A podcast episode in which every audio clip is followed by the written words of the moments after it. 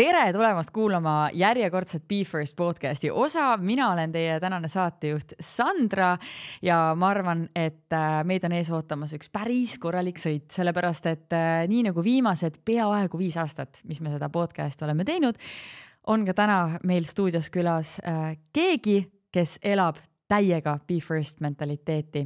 ta on ettevõtja, muusik laulukirjutaja ja naine, kelle häält kuulates lihtsalt pulss langeb ja meel läheb rahulikumaks. nii et äh, pange käed kokku, tehke kõvasti lärmi, sellepärast et meil on saates Anett Kulbin. Sportland, Be First podcast ja siis, kui ma kolmas suvi olin seal ära käinud, siis äh, nad pakkusid mulle, et kas ma tahaksin tulla aastaks ajaks õppima, et nad annaksid siis kooli poolt nagu stipendiumi. tuleb endale lihtsalt võib-olla vahepeal meelde tuletada, et, et, äh, et kõigil asjadel on oma nagu aeg. esiteks ma mäletan, et ma olin äh, nohune ja köhane, aga mul oli väga seda raha vaja, sest ma olin tudeng. Sportland, Be First podcast tere, tere, tere, tere. sa oled vist aplausiga harjunud oi, oi, oi. ei no kas nüüd harjunud aga ootad seda?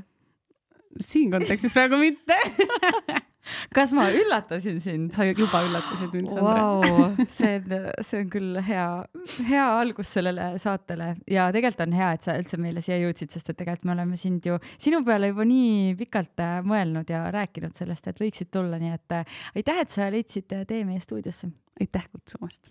kas see, no ma, ma saan aru, et mikrofon on sinu jaoks nagu sihuke igapäevane, igapäevane asi, kuidas see mitte noh, laulmise mõttes igapäevane, aga rääkimise mõttes kuidas sa ennast tunned äh, rääkides äh,?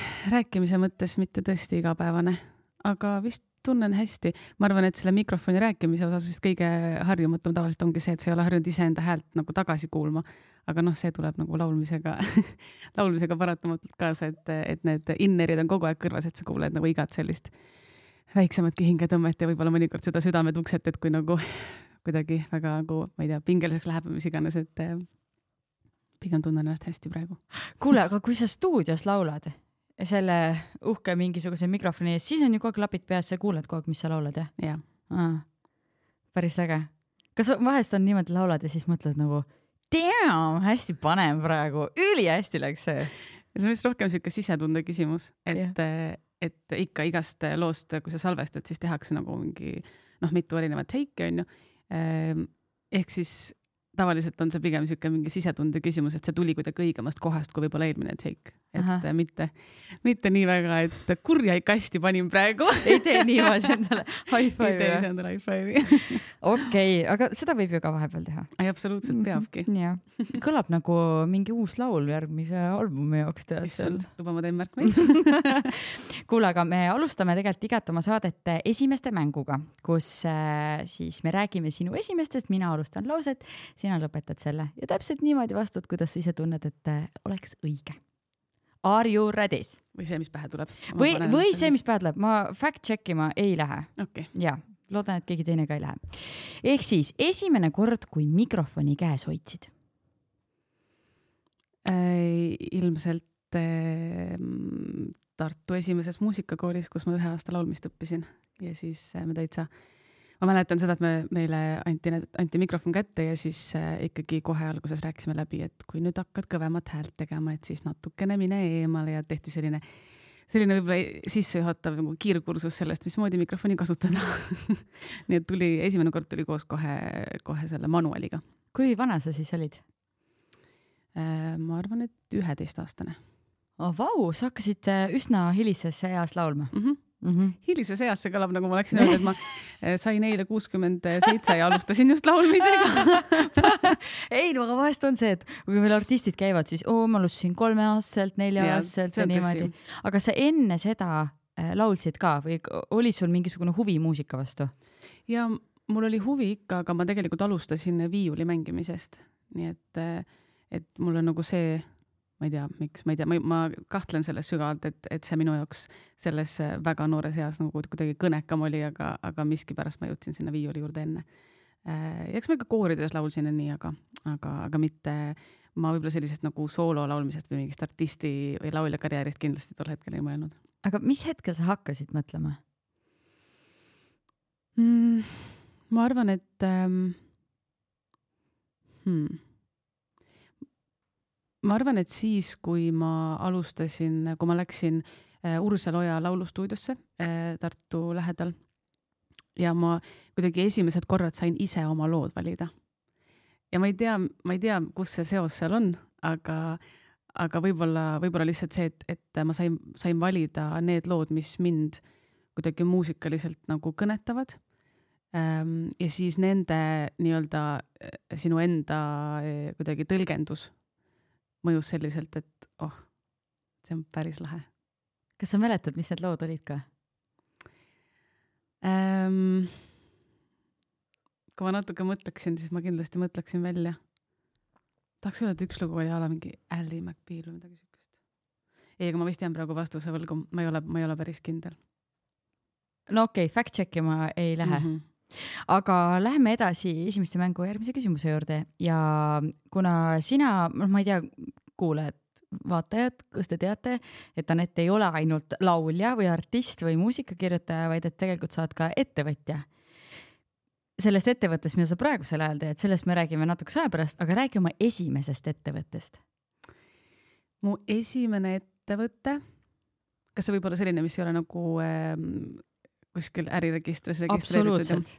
hästi, siis äh, sellisel juhul esimene, esimene ettevõte oli, meil oli koolis kommertsgümnaasiumis, kuna see oli tegelikult ähm, ähm, selline nagu nii-öelda majanduskallakuga kool ähm,, siis meil oli, äh, kui ma ei eksi, siis viiendas klassis äh, ettevõtluse tund, kus me pidime siis tegema nagu õpilasettevõtte.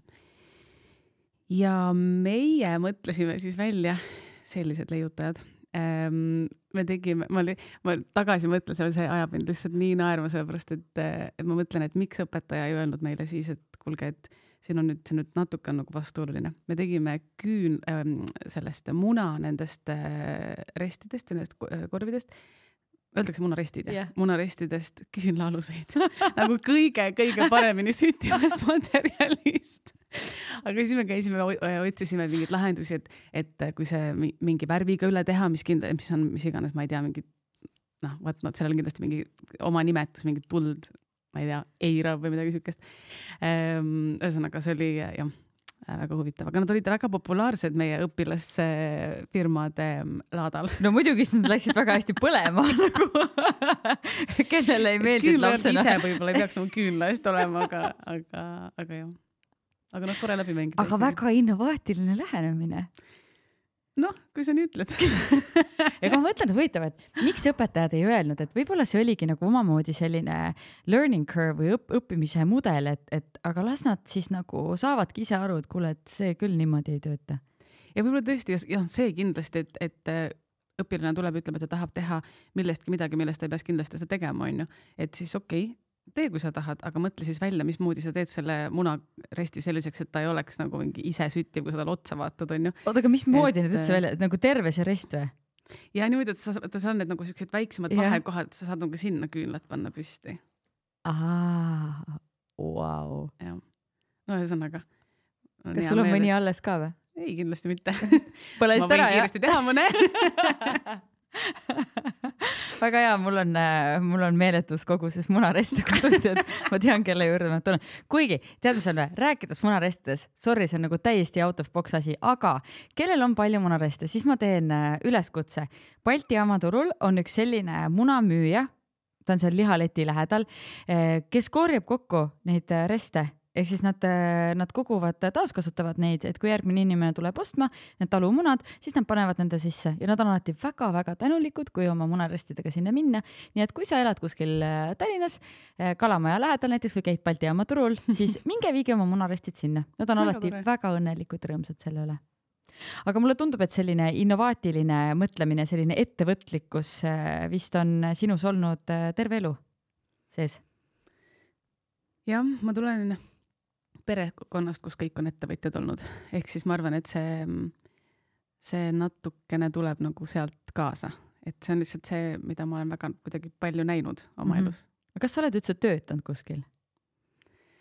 kunagi, kui ma kolmteist olin, siis ma töötasin äh,, ei, võib-olla isegi noorem, ühesõnaga ma töötasin ühes ähm, kohvikus ähm, Tartus.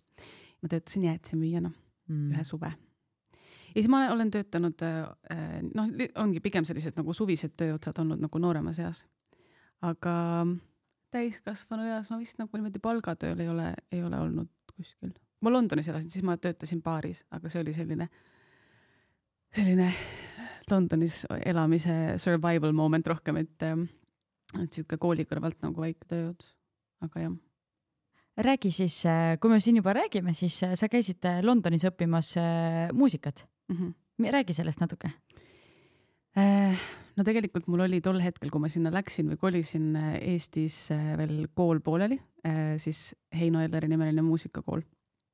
aga ma olin käinud selles samas koolis, kuhu ma siis aastaks läksin suvekursustel ja, ja mm, nad kuidagi, kuidagi väga nagu uskusid minusse ja, ja pakkusid mulle hästi palju mingeid projekte, mida teha ja noh, ma käisin veel nagu muul ajal äh, mingeid, mingeid asju salvestamas seal ja nii edasi, et kuidagi nad olid hästi-hästi toetasid minu nagu õpinguid ja siis, kui ma kolmas suvi olin seal ära käinud, siis äh, nad pakkusid mulle, et kas ma tahaksin tulla aastaks ajaks õppima, et nad annaksid siis kooli poolt nagu stipendiumi. aga ma noh, selles mõttes see Londonis õppimine, kes iga, kes on nagu sellega kasvõi nagu korras kokku puutunud, teab, et see on nagu meeletult kallis ja, ja ma tol hetkel mõtlesin, et kui ma praegu ei lähe, et siis seda võimalust rohkem ei tule ja ma olen väga tänulik oma, oma vanematele siinkohal, et nad ütlesid mulle, et eh, jah, kullakene, meie seitsmeteistaastane tütar, võta muidugi koolist eh, akadeemiline puhkus ja mine aastaks ajaks Londonisse elama. et, et selles mõttes eh, tervitus neile siinkohal, aga, aga tõesti, see oli, ma arvan, et eh, selline aasta, mis oli tõesti täis õpetusi nagu umbes viie aasta eest. et, et see oli üliõpetlik aasta ja, ja üli mm,, mul on tõesti mega hea meel, et ma, et ma sain selle vaheaasta nii-öelda võtta kui sa pead äh, praegu mõtlema nende õppetundide peale, siis äh, kas sul tuleb mõni meelde, mõni, mis sind siiamaani kannab? no ma arvan, et kõige olulisem asi, mida võib-olla nagu siis selle sellise artistiks olemise juures ähm, m- mõista äh,.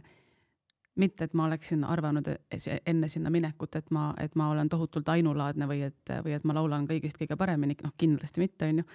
aga, aga seal on lihtsalt nii palju nii andekaid inimesi, kes kõik tahavad sedasama, mida sina tahad et see võib olla selline,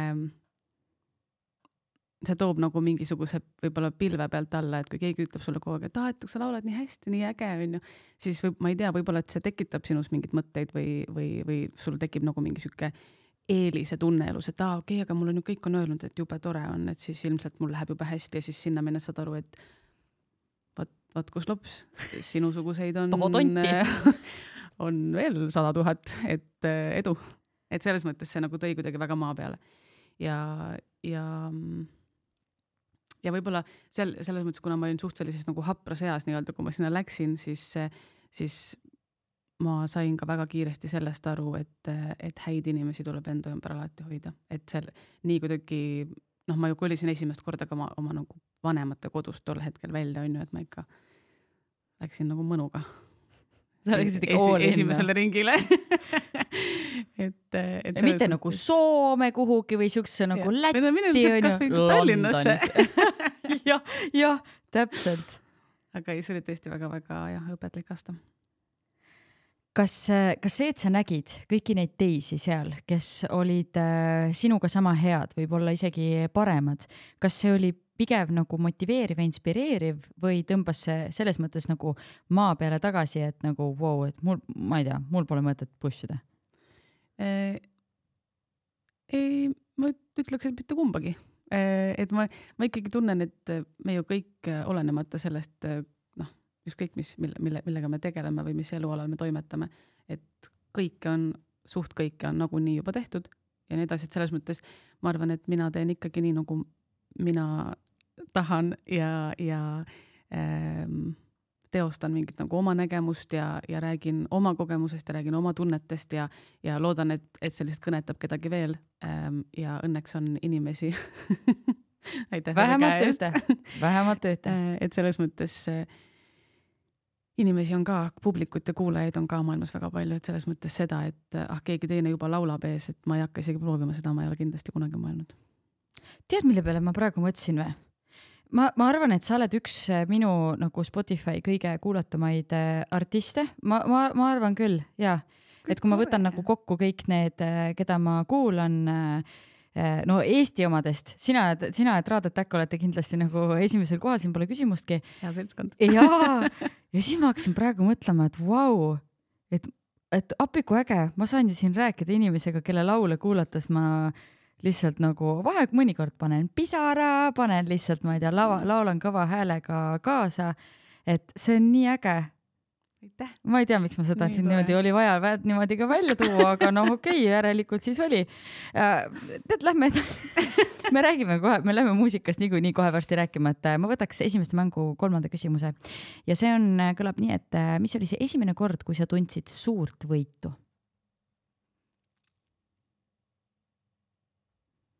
tuleb pikk paus. võta see, see on sinu saade mm.. Ma arvan, et suured võidud on kõik sellised, ongi kõik esimesed asjad. et esimene äh, lugu, mille ma kirjutasin, oli kindlasti tol hetkel tundus mulle nagu tohutu eneseületusena. võib-olla mitte selle kirjutamine isegi nagu nii väga, aga, aga selle väljaandmine oli tohutu eneseületus. sest et ma arvan, et nii alasti tunnet ma ei olnud vist kunagi varem veel tundnud. sest ma olin varem teinud nagu ansambliga Wilhelm muusikat ja ikkagi kirjutanud, aga, aga üksi öelda ja siis üksi selle, nende sõnade ja selle muusika taga seista, see oli üsna selline jah, huvitav alasti tunne. Õnneks on alasti tunne, millega harjub ära räägi, mis see esimene lugu oli, kuidas see sündis? Eh, esimene lugu oli, eh, oli Strong ja ma kirjutasingi selle siis, kui, kui ansambel Wilhelm oli laiali läinud ja kuna ma olin tegelikult tol hetkel läinud eh, õppima EBS-i, siis muusika oli nagu selleks ajaks jäänud kuidagi nagu natuke taustale. ja, ja kui Wilhelm läks laiali, siis ma, ma mäletan seda, et ma hullult kartsin, et nüüd siis noh, et see oli, see oli nagu tol hetkel minu ainus muusikaline väljund ja ma kartsin tohutult seda, et, et kui see bänd läheb laiali, et siis, et siis ma ei laulagi rohkem. Aga, aga noh, siis võtsin jalad kõhu alt välja ja sest et minu arust Strongile tuli ju päris järsk, päris nagu ruttu tuli ka lisa. sest lihtsalt, miks ma seda ütlen, on see, et ma mäletan seda, et sul oli Spotify's üks laul mm. -hmm. ma mäletan seda väga hästi sest et see oli ka minu arust see aeg, kui me eh, kuidagi saime sinuga tuttavamaks või see oli pärast seda veidike, ma täpselt ei mäleta. ja ma lihtsalt mäletan, seal oli üks laul ja siis mingi hetk seal oli neid rohkem. et see oli. siis midagi muutus. ja see on tore, sellepärast et kui sa nagu, sa leiad kellegi, kelle noh, kelle muusika sind väga kõnetab ja sealt tuleb järsku veel ja siis see, see, mis sealt veel tuleb, see kõnetab sind veel, et see on niisugune nagu see on nagu nii tore ootus kuulaja poolt ka, et noh, ma kujutan ette, et, et muusiku enda poolt, artisti poolt, see on ka, see on äge, sa annad välja, aga tegelikult kuulaja poolt see on samamoodi, sa näed lihtsalt nagu, nagu mina nägin seda paar nädalat tagasi, vaatasin Spotify andis, et uh, uued albumid Anett ja Fredi. Let's go, väga hea. anname, anname kuuma et lihtsalt see oli nagu, see on sihuke nagu, nagu laps, kes saab jäätise vaata kätte, et mingi hea ja. muusika tuli. ühesõnaga, ma ei tea, kus ma selle nagu selle küsimusega nüüd äh, läksin, aga äh, esimene laul, see oli, oli selline nagu veidike raske välja panna. kuidas järgmistega oli, kas see tunne oli sama või läks kergemaks? olenes siis nagu teemast, et kui ma olin kirjutanud midagi, mis, mis ähm, ma mäletan väga hästi, kui ma kirjutasin sellist laulu nagu All over again ja seal on refräänis sõnad, mida ma mõtlesin, et aga kui ma neid noh, selles mõttes, et see arv inimesi, kes seda lugu ilmselt tol hetkel kuulas, ei olnud nagu mingi tohutult suur, aga see ei loe, et, et on ikkagi mingeid asju, mida, mida on isegi kõige lähedasematel inimestel võib-olla nagu raske tunnistada või, või noh, et ei ole nagu esimene sihuke go to jututeema, onju. aga siis muusikasse tundus neid panna kuidagi väga turvaline ja, ja siis ma nagu natuke aega enda sees kuidagi võitlesin sellega, et ühest küljest ma nagu tahan seda öelda ja, ja ma tahan neid sõnu laulda ja ma, ja ma loodaks, et, et kui keegi on, on kuidagi mingis sarnases olukorras, et tema kuulab seda ja tal võib-olla hakkab natukene noh, et mingi väike tugiõlg on kuskil all, et nagu, et noh, me kõik tunneme nagu nii tihti nii sarnaseid emotsioone, et see võiks ju olla ähm, kõnekas ka kellegi teise jaoks. aga siis lõpuks mõtled, et mõtled ära ja siis äh, natukene kardad, aga siis teed ikkagi ära või noh. nii et sa räägid läbi muusika? jah, ma arvan, et ma muusikas räägin märksa julgemalt ja pean märksa äh, võib-olla isegi, et osavamalt vestlusi kui kui oma, oma, oma igapäevaelus lihtsalt huvi pärast, kas niimoodi on ka olnud, et sa teed laulu valmis ja siis on nii, et ja saadad selle lihtsalt sellele inimesele, kelle sa, kelle sa tahad, et see nagu läheks, on nii, nii, palun. see on nüüd siin. võta, kuula, mõtle. ja siis äh, ära paar päeva minuga rääkima tule, aga siis natukese aja pärast võid. kas on niimoodi olnud või um,? ühe korra on nii olnud jah kas sa tahad, ei taha ma pean tegema seda mingit seda äh, kiirete vastuste mängu vaata ja siis lihtsalt selle sinna sisse panema.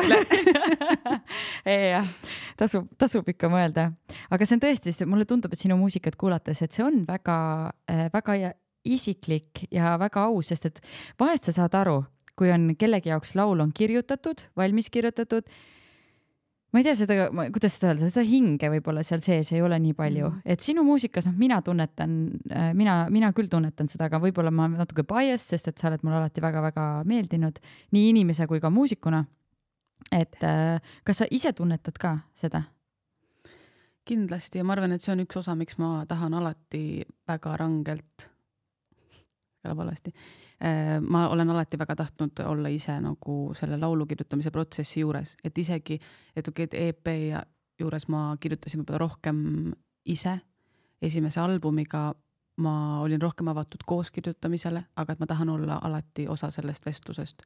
et, et ma vist enda puhul ma ei, ma muidugi ei tea, ma ei ole seda nüüd nagu saanud proovida, onju, aga et ma ei kujuta ette, mis tunne see on minna lavale ja, ja öelda sõnumid, mis ei ole nagu võib-olla sinu seest tulnud, mis ei ole sinu mõtted olnud. et loomulikult on, saab alati tõlgendada ja saab alati ähm,, et kui noh, selles mõttes, et see lugu, mis keegi teine sulle kirjutab, peab peab ka sind kõnetama, on ju, et see peab nagu sulle midagi tähendama või noh, mingisugusegi lingi sul kuskil peas või, või südames ära tegema. aga, aga täitsa kellegi teise mõtteid või sõnu, sõnu laulda läbivalt, see vist lihtsalt ei ole minu jaoks, ma arvan kas sa seda oled ka täheldanud või kuidagi tunnetanud, et ma ei tea, näiteks vanu laule lauldes, et sa oled kirjutanud selle justkui nagu selleks, et mingi emotsioon endast välja saada ja samas sa oled selle justkui nagu lahendanud, aga sa pead ikkagi seda laulu laulma. sellepärast, et ma ei tea, publik tahab ja see nagu hullult meeldib inimestele, tegelikult sa tunned, et nagu no nagu ei tahaks enam. ei ole selles kohas enam, seda tuleb, tuleb ette küll. aga ma pean ütlema, et see on pigem vot siis ongi tore, kui on mingid lood, äh, mis on nagu kellelegi kirjutatud äh, või mingis situatsioonis kirjutatud, et, et ma arvan, et ma ikkagi lauldes lähen alati sellesse momenti tagasi, aga sa ikkagi ei ela seda enam päris nii üle, et siis sa lähedki sellest kolmeks minutiks sinna momenti tagasi mm -hmm. ja see on okei okay.. ja ma arvan, et, et äh, selleks, et see, et see laivis tuleks ka noh, see nagu hingestatus tuleks läbi, siis see ongi väga oluline, et sa tahaksid kasvõi kolmeks minutiks sinna kohta tagasi minna mm. -hmm. Mm. aga meie lähme tagasi esimest mängu juurde ja mul on viimane küsimus ja võib-olla läheb natuke lihtsamaks nüüd, ma ei tea, mis on esimene asi, mida sa hommikuti teed? nii õudne, vist vaatan telefoni. miks õudne ma ei tea, sellepärast et see see, see tundub väga, või ma olen mõelnud selle peale, et see on lihtsalt nii mürarikas tegevus, et äh, miks sa vaatad hommikul kohe telefoni, võiks ju ärgata äh, koos päikesega ja panna hommikumäntli selga ja teha tass kohvi ja võib-olla lugeda ja siis alles paari tunni pärast, kui sa oled pesemas käinud, ennast riidesse pannud, võtta siis telefon kätte vaadata, mis telefonis toimub. sest noh, ega ma, ma ei võta lihtsalt telefoni kätte, vaid ma ilmselt avan, avan Messengeri ja siis ma avan Instagrami ja siis ma avan meilid ja siis ma alustan oma päevaga. vist ma te-, ma, ma tegelikult täiega ta-, ma tahaks tohutult sellest, sellest harjumusest lahti saada. nii kuna meile siin Be First podcastis meeldivad challenge'id ja väljakutsed, siis Anett, ma annan sulle ühe. järgmise nädala ainult nädal aega, seitse päeva.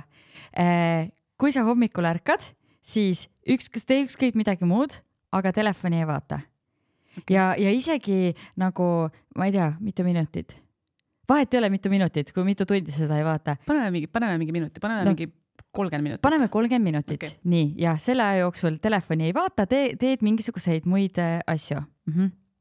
Ja ma ei saa seda kuidagi tšekkida, muidu tahaks öelda, et tee Instagrami üle postitus sellest, tee, saada mulle Messengeri iga päev. ma hakkan sulle iga hommik kirjutama. jaa, vot see oleks tore, täna oli kolmkümmend kaks minutit. aga proovi ära ja sa anna mulle teada, kuidas see läks, see oleks nagu huvitav, oleks huvitav teada. okei okay., ma arvan, me ei ole oma elus mitte ühtegi challenge'it, ette võetud challenge'it teinud. päriselt? My very first. oi, väga-väga huvitav, ma olin lihtsalt, mu aju hakkas juba tootma, et kas me saaks Mida sulle midagi kas me saaks sulle midagi. küll mul siin on juttu on palju tulemas, küll ma sulle midagi äh, välja mõtlen, aga, aga davai, proovime selle ära. okei, aga oleme sa, kokku leppinud, kas me surume kätt või midagi? jaa, nii, nii, surume Nii. niimoodi kätt ja ja päris värk keegi, ja keegi. koos lööme, Jah. jah, vot, nii, tehtud. ma pean endale hommikuks reminder'i panema, et ma telefoni ei vaata. jah, pane mingi suur, pane telefon kuhugi kaugemale ja see on põnev oleks teada, et mis meetodeid sa siis kasutasid selleks, et seda mitte, seda mitte teha. ja siis on, ja nüüd on praegu maneger Liisi Voolaid on kuskil niimoodi no, mul on vaja, et ta hommikul kohe oleks peab mingi ukse taha minema. sa ei võta oma telefoni vastu. okei, kuule, aga, aga liigume siis edasi ähm,. ma tahaks natuke rääkida ka koolist mm. -hmm. sa õppisid EBS-is loomemajandust. mis asi see on, mida sa seal õppisid? igast asju. oi väga põnev. ähm,. see, no loome, loomeettevõtluse su, äh, suund äh, on, no põhimõtteliselt siis tegeleb selliste kõikide, kõik, kõikvõimalike loovate ähm,, loovate asjade nagu selle majandusliku või ärilise poolega. Aga eh, no kuna see on bak-, see oli bakalaureuseõpe, siis äh, seal on ikkagi väga palju sellist üldist infot ka, et natukene ikka ka mikro-makroökonoomikat, minu isiklikud lemmikud ähm. et oli küll selliseid momente, kus ma mõtlesin, et miks ma teen seda praegu. ma, ma ei ole, ma ei, ma ei ole mitte iialgi olnud tugev ähm, mingites reaalainetes ja siin ma olen kolmas aasta ja lahendan mikro-makroökonoomika ülesandeid. aga ära tegid? nojah, sest ma see är- nagu ma tegin ära jah ähm,. käisin kaks aastat ära ja siis ma mõtlesin, et issand, äkki ma peaks pooleli jätma. siis ma mõtlesin, et ei no nüüd on juba üle poole käidud, et ma ikka käin lõpuni. aga kui ma lõpuni selle tegin, siis ma olin muidugi ülirahul endaga, et ma selle ära lõpetasin ja, ma ikka sain sealt väga palju selles mõttes. aga mis sa said sealt? no ma arvan, et see kogu äh, aeg oli minu jaoks nagu eriti kasulik, sellepärast et äh, me alustasime ühe mu väga hea sõbraga juba vist esimesel aastal äh, kohe oma ettevõttega, ehk siis äh, see kõik, mida, mida me nagu samal ajal õppisime, me saime selle kohe praktikasse panna. kas see oli mingi õppeaine raames või te lihtsalt otsustasite, et teete seda? Äh, nüüd me liigume siis õpilasfirmast äh, tudengiettevõtluse kursuse juurde ja see põhimõtteliselt sündis selle tudengiettevõtluse kursuse raames ja siis äh, EBS-is oli selline väike siis äh, selle kursuse lõpus oli siuke pisike ettevõtete nii-öelda nagu noh, presenteerimine on ju, et kes mis ideedega kuhumaani see on jõudnud. ja siis võitja saab kooli poolt ka väikese sellise nii-öelda alustusraha ja siis noh, kuna me võitsime, siis me pidime selle ära tegema. aga teil, mulle tundub, et teisiti. see turu segmenteerimise nagu see segment oli teil väga paigas. teeme napsu. jah, ei noh, selge. palju selge sõnum, küsimust. käsid, käsid on nopsu. oota, aga mida Nubenaps teeb? mis, mis teil, mis teil Äh, no Nobenaps ongi käsitöönapsude bränd. meil on kaks maitset, musta sõstra piparmündi maitseviin ja rabarberi naps. ja kas need sündisid kohe alguses või need on kuidagi, kuidagi siis, ma ei tea, muutunud aja jooksul? me al alustasime sellest sõstra napsust ja siis rabarber tuli, tuli hiljem juurde. kuidas te üldse tulite selle peale? tead, olime seal Hollywoodis ja tekkis mõte, et ikka nii vastik on see šott. Ehm, see oli nii ammu, et ma ei mäleta, kuidas me tuli, miks me mõtlesime hakata viina tegema või noh, selles mõttes napsu tegema. vist alguses mõtlesime, et võiks mingeid veine teha, see tundus nagu täiesti geniaalne mõte, et huvitav, miks keegi pole teinud Eestis, meil on nagu nii ägedat saadust nii palju, onju. Miks ei ole keegi teinud Eestis sellist äh, mõnusat kuiva nagu veini no siis me saime teada. no miks siis? noh, esiteks see peaaegu, et ei ole võimalik ja teiseks on see äärmiselt kulukas ähm, aga, ja siis, aga me olime juba väga palju nagu eeltööd teinud sellel teemal ära.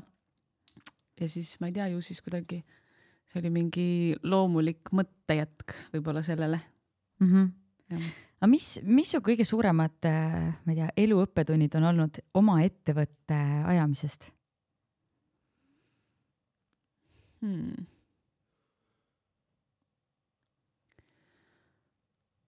ähm,? ei olegi ühtegi sellist nagu väga valusat õppetundi vist olnud, aga sellised väiksed asjad, mida tegelikult ma arvan, et võib ka, võib ka võib-olla mõnest raamatust lugeda, mida mina ei olnud lihtsalt lugenud noh, ma ei tea äh,, kui sa teed eelarvestad midagi, et siis arvesta alati mingi kolmkümmend protsenti juurde ja äh, kõikide asjadega, kui sa mõtled, et sinu aga sinu kalendris on sellele mis iganes protsessile pandud kolm kuud, et siis võib vabalt olla kuus tegelikult. et äh, ma ei tea, ma arvan, et kokkuvõttes on see nagu kannatlikkust õpetanud. et, äh, et kui mingisugune nagu selline teadmine kuidagi tee peal ette tuleb, mis, kus sa mõtled, et ei tea, kas nüüd see on see märk, et peaks äkki alla andma või et äkki peaks ära lõpetama selle asja, et siis ikkagi uuesti püsti tõusta ja, ja edasi minna ja tegelikult see ikkagi ma kuidagi seda muusiku või artisti ähm, tööd nii-öelda ähm, ikkagi panen ka väga tihti nagu ettevõtluse kuidagi raamidesse või võtmesse, et. Aga see tegelikult ju ongi. ei, absoluutselt, et ma mõtlengi, et kõik need nagu needsamad asjad on tegelikult kandunud ka nagu, et see ei ole nagu ainult nii väga nobenapsu keskne, et ma tunnen, et ma ikkagi teen neid samu asju läbi ka täna artistina igapäevaselt mm. -hmm no ma ei hakka üldse küsima, et kui sa peaksid ühe nendest valima, et kumba sa teeksid, sest et see on, mulle tundub nagu laste vahel valimine. aga ma pigem küsin, et kuidas sa jaksad neid mõlemat teha? sest et see mõlemad ikkagi nõuavad ju päris palju pingutust. no reaalsus vist tänaseks on ikkagi see, et ma olengi keskendunud rohkem nagu muusikale. et eks nagu mingil hetkel äh, lähevad või noh, ma ei tea, loksuvad vist pigem need prioriteedid ikkagi paika vastavalt, vastavalt elule ja olukorrale ja, ja mingitele võib-olla välistele mõjutajatele. aga oled sa tundnud oma elus, et sa pead tegema mingeid selliseid valikuid, mida on no tegelikult ei tahaks teha, nagu nii rasked valikud, kuidas sa selliseid valikuid teed? mis see mõtteprotsess seal küljes on? kas sa mõtled, et asju, mida ma ei tahaks nagu tegevusena teha. näiteks või... ütleme, et, et kui sul ongi, võtadki, ütled, et sa praegu teed rohkem muusikat, on ju, see tähendab seda, et sa oled pidanud ikkagi sellest nobenapsust veidike midagi tagasi andma, et, et kui tegelikult sulle meeldib mõlemat asja väga teha, siis kuidas sa loobud ühest asjast, mida, mida on nii äge teha ähm,? vist ei peagi nagu otseselt loobuma, ma arvan, et, et tuleb endale lihtsalt võib-olla vahepeal meelde tuletada, et, et, et kõigil asjadel on oma nagu aeg ja, ja ega otseselt miski ei pea su elust ära kaduma, lihtsalt võib-olla praegult jääb nagu tahaplaanile. mis ma arvan, et on okei okay. mm. -hmm. kui sa oled, sest noh, eks me ju kokkuvõttes teeme kõik ise oma valikuid ja see ju siis praegult tundus nagu parem valik või õigem valik. et ma midagi kahetsema kindlasti ei, ei jää aga kuidas su tööpäev üldse välja näeb praegusel hetkel? et siuke noh, nagu seda vist seal, milline näeb välja klassikaline tööpäev? mul vist ei eksisteerigi sellist asja nagu klassikaline tööpäev, mul on siuke tunne ärkan üles, vaatan telefoni. Ja ja siis sealt hakkab nagu minema. Et mis, mis seal või siis ütleme, võtame nagu nädala äh, lõikes, et praegusel hetkel ongi vist nagu veits kiiremad ajad või nagu teistsugused ajad, sest et uh, uus album tuli välja ja seoses sellega kindlasti on palju tegemist, et aga, aga üleüldiselt, kuidas, mis see välja, mis, mis sa teed nädala jooksul? Mm.? no kõik on alati äh,, alati muutumises sellist asja nagu rutiin. mul vist ei ole mitte ühtegi rutiinset tegevust peale selle, et ma hommikul kohvi joon ja telefoni vaatan ja see võeti nüüd ja ka ära. ka ära, mida ma nüüd teen ähm,. no jaa, väga keeruline küsimus, tead, see on väga keeruline küsimus, äh, tihtipeale mul on niisugune tunne, et ähm,, et ma olen terve päev teinud midagi, aga ma ei ole päris kindel, mida ma tegin. et see on selline noh, võtad need meilid lahti, hakkad otsast minema ja siis seal võib nagu igast asju olla ja siis tihtipeale on nagu neid äh, on nagu palju selliseid asju, mis võtavad ootamatult palju aega.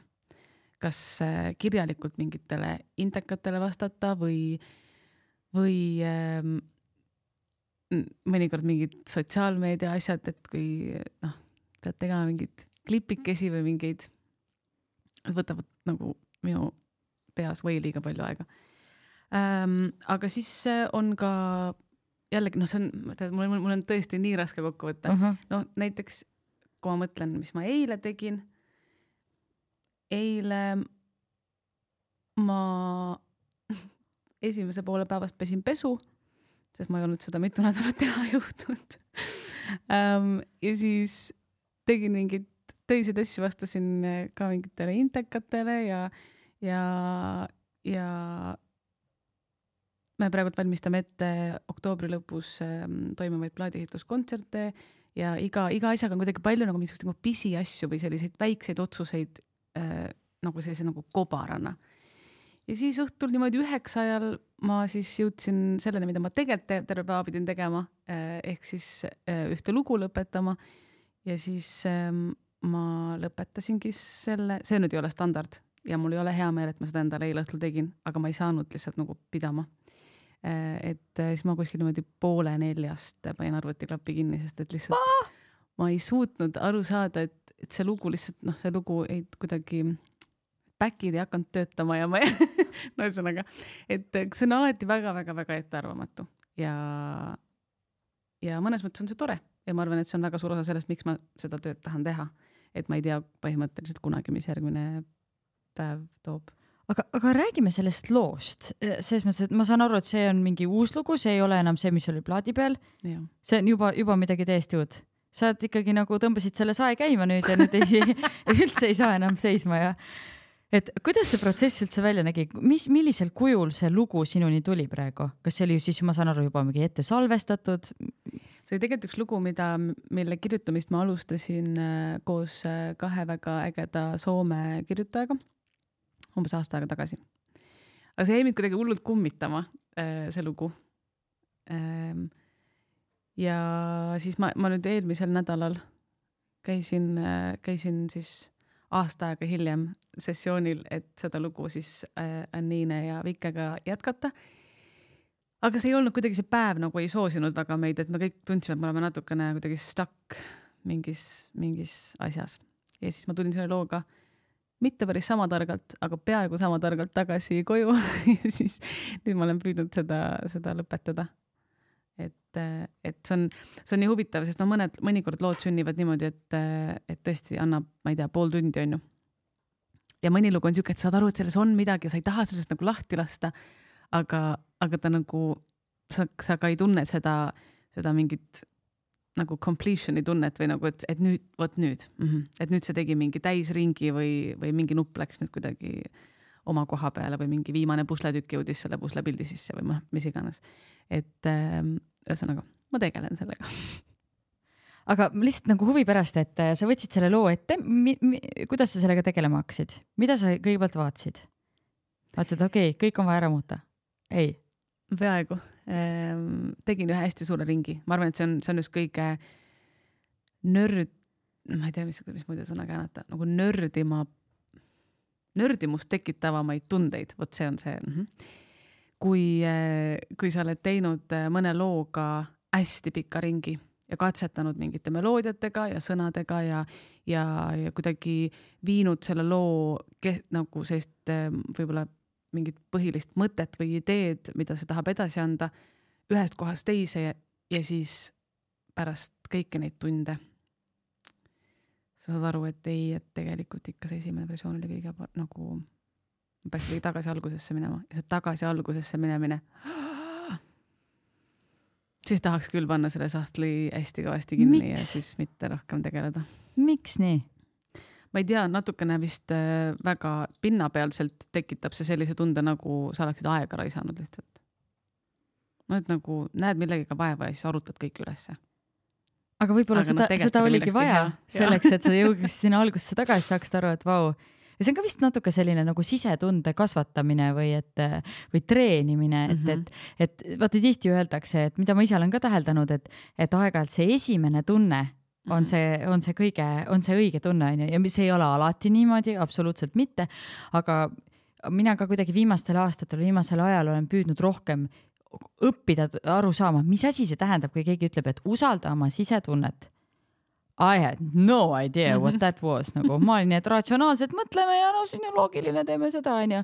tegelikult sees kõik karjus no. jaa aga kas see, kas selle loo puhul ei olnud seda, et sa nagu alguses tundsid, et oli nagu noh, jaa, aga teeme paremaks, paremaks, paremaks, sest et seda paremaks, paremaks võib ju lõpmatuseni teha. no tegelikult võibki.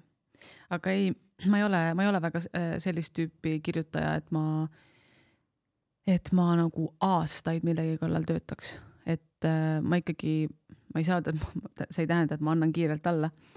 ma pingutan, mulle meeldib väga pingutada, aga kui ma olen oma pingutamise ära pingutanud ja ma saan aru, et see ikka mitte kuskile ei lähe ja et sellel ei, sellel ei ole nagu kuidagi noh, siis on see kõhutunne, et või mingi sisetunne, mis ütleb, et mm -mm, et mit- see võib-olla praegu vajab natukene hingamisaega Mm -hmm. ja mõnikord vajabki mõni lugu hingamisaega ja siis ta jälle tuleb tagasi. aga kuidas nagu tiimis töötades on, sest et äh, võib-olla tulemegi praegu selle viimase albumi juurde, onju, mille te Frediga tegite kahe, kahekesi, onju, et noh, et sellest võid rääkida ka, et kuidas see kahe peale tegemine justkui nagu on, et, et kui üks ütleb, et kuule, et on valmis, aga teine ütleb, et tead, ikka veel ei ole ja siis tuleb uuesti, uuesti, uuesti teha, et see, see nagu tiimi dünaamika on ka seal ju väga oluline, sest et selleks, et nagu see teine inimene ei oleks nii, et nagu aa, ma ei viitsi sinuga enam, tee ise pool seda, tee ise album nagu lõpuni. et kuidas teil Frediga see koostöö, ma ei tea, käib? kuidas te olete selle hästi tööle saanud? mm.. meil vist ongi Frediga väga-väga suur pluss või mis meie kasuks räägib selles koostöös, ongi see, et me oleme aru saanud, et me tajume, meie jaoks see full circle või see, see viimane pusletükk on väga sarnane. ehk siis me nagu enamasti tunneme ühel ajal seda tunnet, et nüüd lugu on valmis, et nüüd see, noh, nüüd ta jõudis kohale et, et kindlasti olen ma varem koge- kogenud mõndade teiste kirjutajatega ka seda, et mina mõtlen, et aa, et ju ei või kuidas või ja siis näiteks teine inimene toas on sihuke, et ei, minu arust on valmis. ja siis sa mõtled, et issand, oot-oot, kuidas me nüüd siis nii erinevalt seda kuidagi tajume. aga siis noh, selles mõttes see ongi, see on see kuidagi nagu koos kirjutamise ähm, kogu see protsess on nagu tegelikult ülidelikaatne ja ülihabras, sest et nii kui sa ka ütled midagi, mida su käest ei ole küsitud, on ju, ja hakkad väga-väga tugevalt oma arvamust avaldama, siis sa pead ka tunnetama, et kust maalt sa selle, selle nagu oma käitumisega kellegi teise jaoks ruumis teed selle kirjutamise protsessi nagu nüüd väga keeruliseks või et ta läheb nagu lukku näiteks selle peale, et see on nagu, see on hästi-hästi delikaatne sihuke üksteise tunnetamine, kogu see, kogu see protsess. Et äh, see on ähm, see kõlab nagu elu. nagu elu, natukene nagu sotsiaalne eksperiment ka vahepeal mis sa sellega mõtled? ei no lihtsalt, et sa, et sa, et sa oledki nagu selles olukorras ja siis vahepeal tahaks võtta full selle jälgija ja rolli. et sa lihtsalt istud toanurgas ja vaatad, kas inimesed reageerivad üksteise mingi öeldu peale või, või kui üks käib, käib mingi ähm,, mingi lause näiteks lugude sõnad või nagu loo sõnadesse välja ja siis sa vaatad, kuidas ülejäänud kaks üldse ei ole nõus sellega. okei okay., aga mis ta huvitav ütleb selle peale? Kuidas ta nagu lahendab, sest ma näen, et talle ei meeldi see, aga mis ta ütleb, mismoodi ta an, an, annab märku, et Nagu talle üldse ei meeldi? jaa, absoluutselt, et see on ülipõnev ja väga põnev on selles protsessis sees olla, et äh, väga selline öö, vastastikust austust nõudev äh, asi kindlasti, see, see muusika kirjutamine koos. no ma kujutan ette, et see protsess aitab ka inimesega, inimesena väljaspool muusika loomist paremini hakkama saada. oi, kindlasti et me kohati räägime sellistest äh, väga äh, elementaarsetest äh, absoluutselt asjadest. mida sa veel oled õppinud? Frediga koos kirjutades näiteks mm,? ma arvan, et koos muusika kirjutamine õpetab väga üksteist kuulama, nagu, nagu päriselt kuulama, mitte et sa ütlesid midagi ja siis ma olen siuke, et aa jaa, jaa, ma sain aru. vaid nagu kuidagi kogu aeg mõtlema, et aga huvitav, et mis ta nüüd ikkagi sellega mõtles. sellega ei saa hulluks minna loomulikult, seal tuleb, tuleb ikka nagu mõistuse piires kuidagi püsida, aga aga, aga jah, ma arvan, et see on pidev selline, kuna seal iga kirjutamise või iga loo taga on ka väga pikki vestluseid ja väga pikki selliseid eh, ka kohvi joomisi ja oma tunnetest rääkimisi ja, ja sellist äh, jah, niisugust nagu end väga, väga, väga, ma arvan, et sügavuti ikkagi enda avamist ka teineteisele. kas, kas see on mingi teie teema või teevad teised ka niimoodi?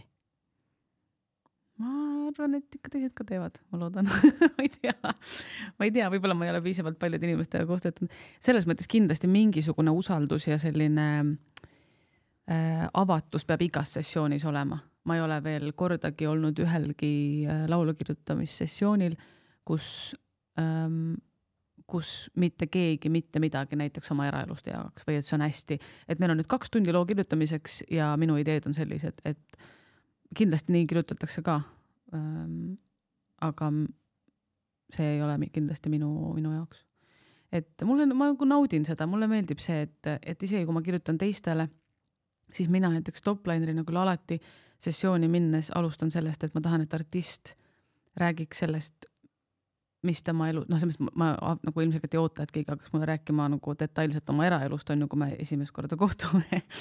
Aga, aga võib-olla lihtsalt, et, et mis on see teema, mis sind praegu kõnetaks, mõnes mõttes on täiesti võõraste inimestega seda rääkida, ongi palju turvalisem, sest nad ei tunne sind, nad ei tea sinu sõpru, sinu tutvusringkonda, nad ei tea sinust mitte midagi. Ja siis, kui sa ütled, et tead, ma olen tegelikult veits sihukeses kohas, et mul on, mul on nii raske ennast praegu, et mul on nagu umbes, ma ei tea ähm,, mingi algav suhe ja, ja ma olen aru saanud, et mul on nii keeruline ennast avada, sest et ma olen nagu nii kaua endaga tööd teinud ja vaeva näinud, et ma jõuaks mingisse heasse kohta.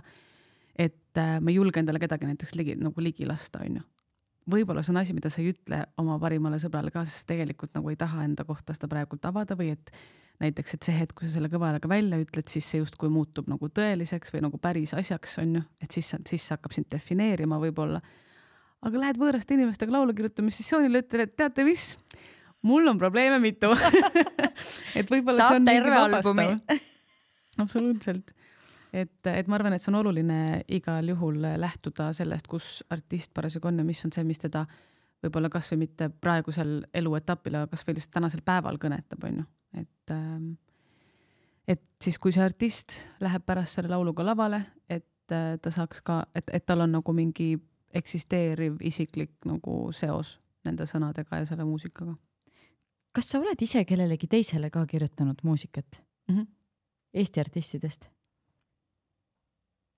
Eestis mit-, aa ei valeta, tegelikult olen küll jah. Kunagi oli väga lahe üks naiste laulu kirjutamislaager, siis selle raames me kirjutasime äh, koos äh, Shiraga. kes on Shirale. ka meil käinud siin podcast'is, imeline naine. väga ja nii ägeda, nii ägeda häälega äh,. temaga me töötasime ja siis me kirjut-, ma ei mäleta, kellega me veel kirjutasime. aga sa kirjutasid temale laulu? Äh, ma olin nii-öelda tema tiimis jah, ma Aa. ei sõnasta seda päris nii, et mina kirjutasin talle laulu, aga, aga ma olin jah, mina Anett Tamm produtsendina ja siis äh, tema artistina, Shira artistina. mis lugu see oli, mis sealt lõpuks tuli mm,? peaks Spotify lahti võtma, vaatama, mis see nimi ma tõesti, mul ei ole, ei ole tõesti praegu. no natuke kodutööd siia meie kuulajatele, vaatajatele. siinkohal võib fact, fact check ida. minge, minge pange Youtube'i see link, siis selle laulu linki selle üles leiate. okei okay. mm., väga-väga huvitav. aga sa, sa jäid korraks mõtlema, kui ma küsisin, et Eesti artistidest, kas see tähendab seda, et sa oled välismaa artistidele kirjutanud äh,? ma olen toplinerina rohkem käinud. mis see tähendab, äh, topliner ähm,? Üldiselt sessioonidel on, tähendab, see ei ole nagu ta, alati nii, aga, aga see on väga, ütleme nii, et see on väga toimiv kombinatsioon eh,. on eh, artist, produtsent ja topliner ja siis topliner selle protsessi sees eh, tegelebki eelkõige siis sõnade ja meloodiatega.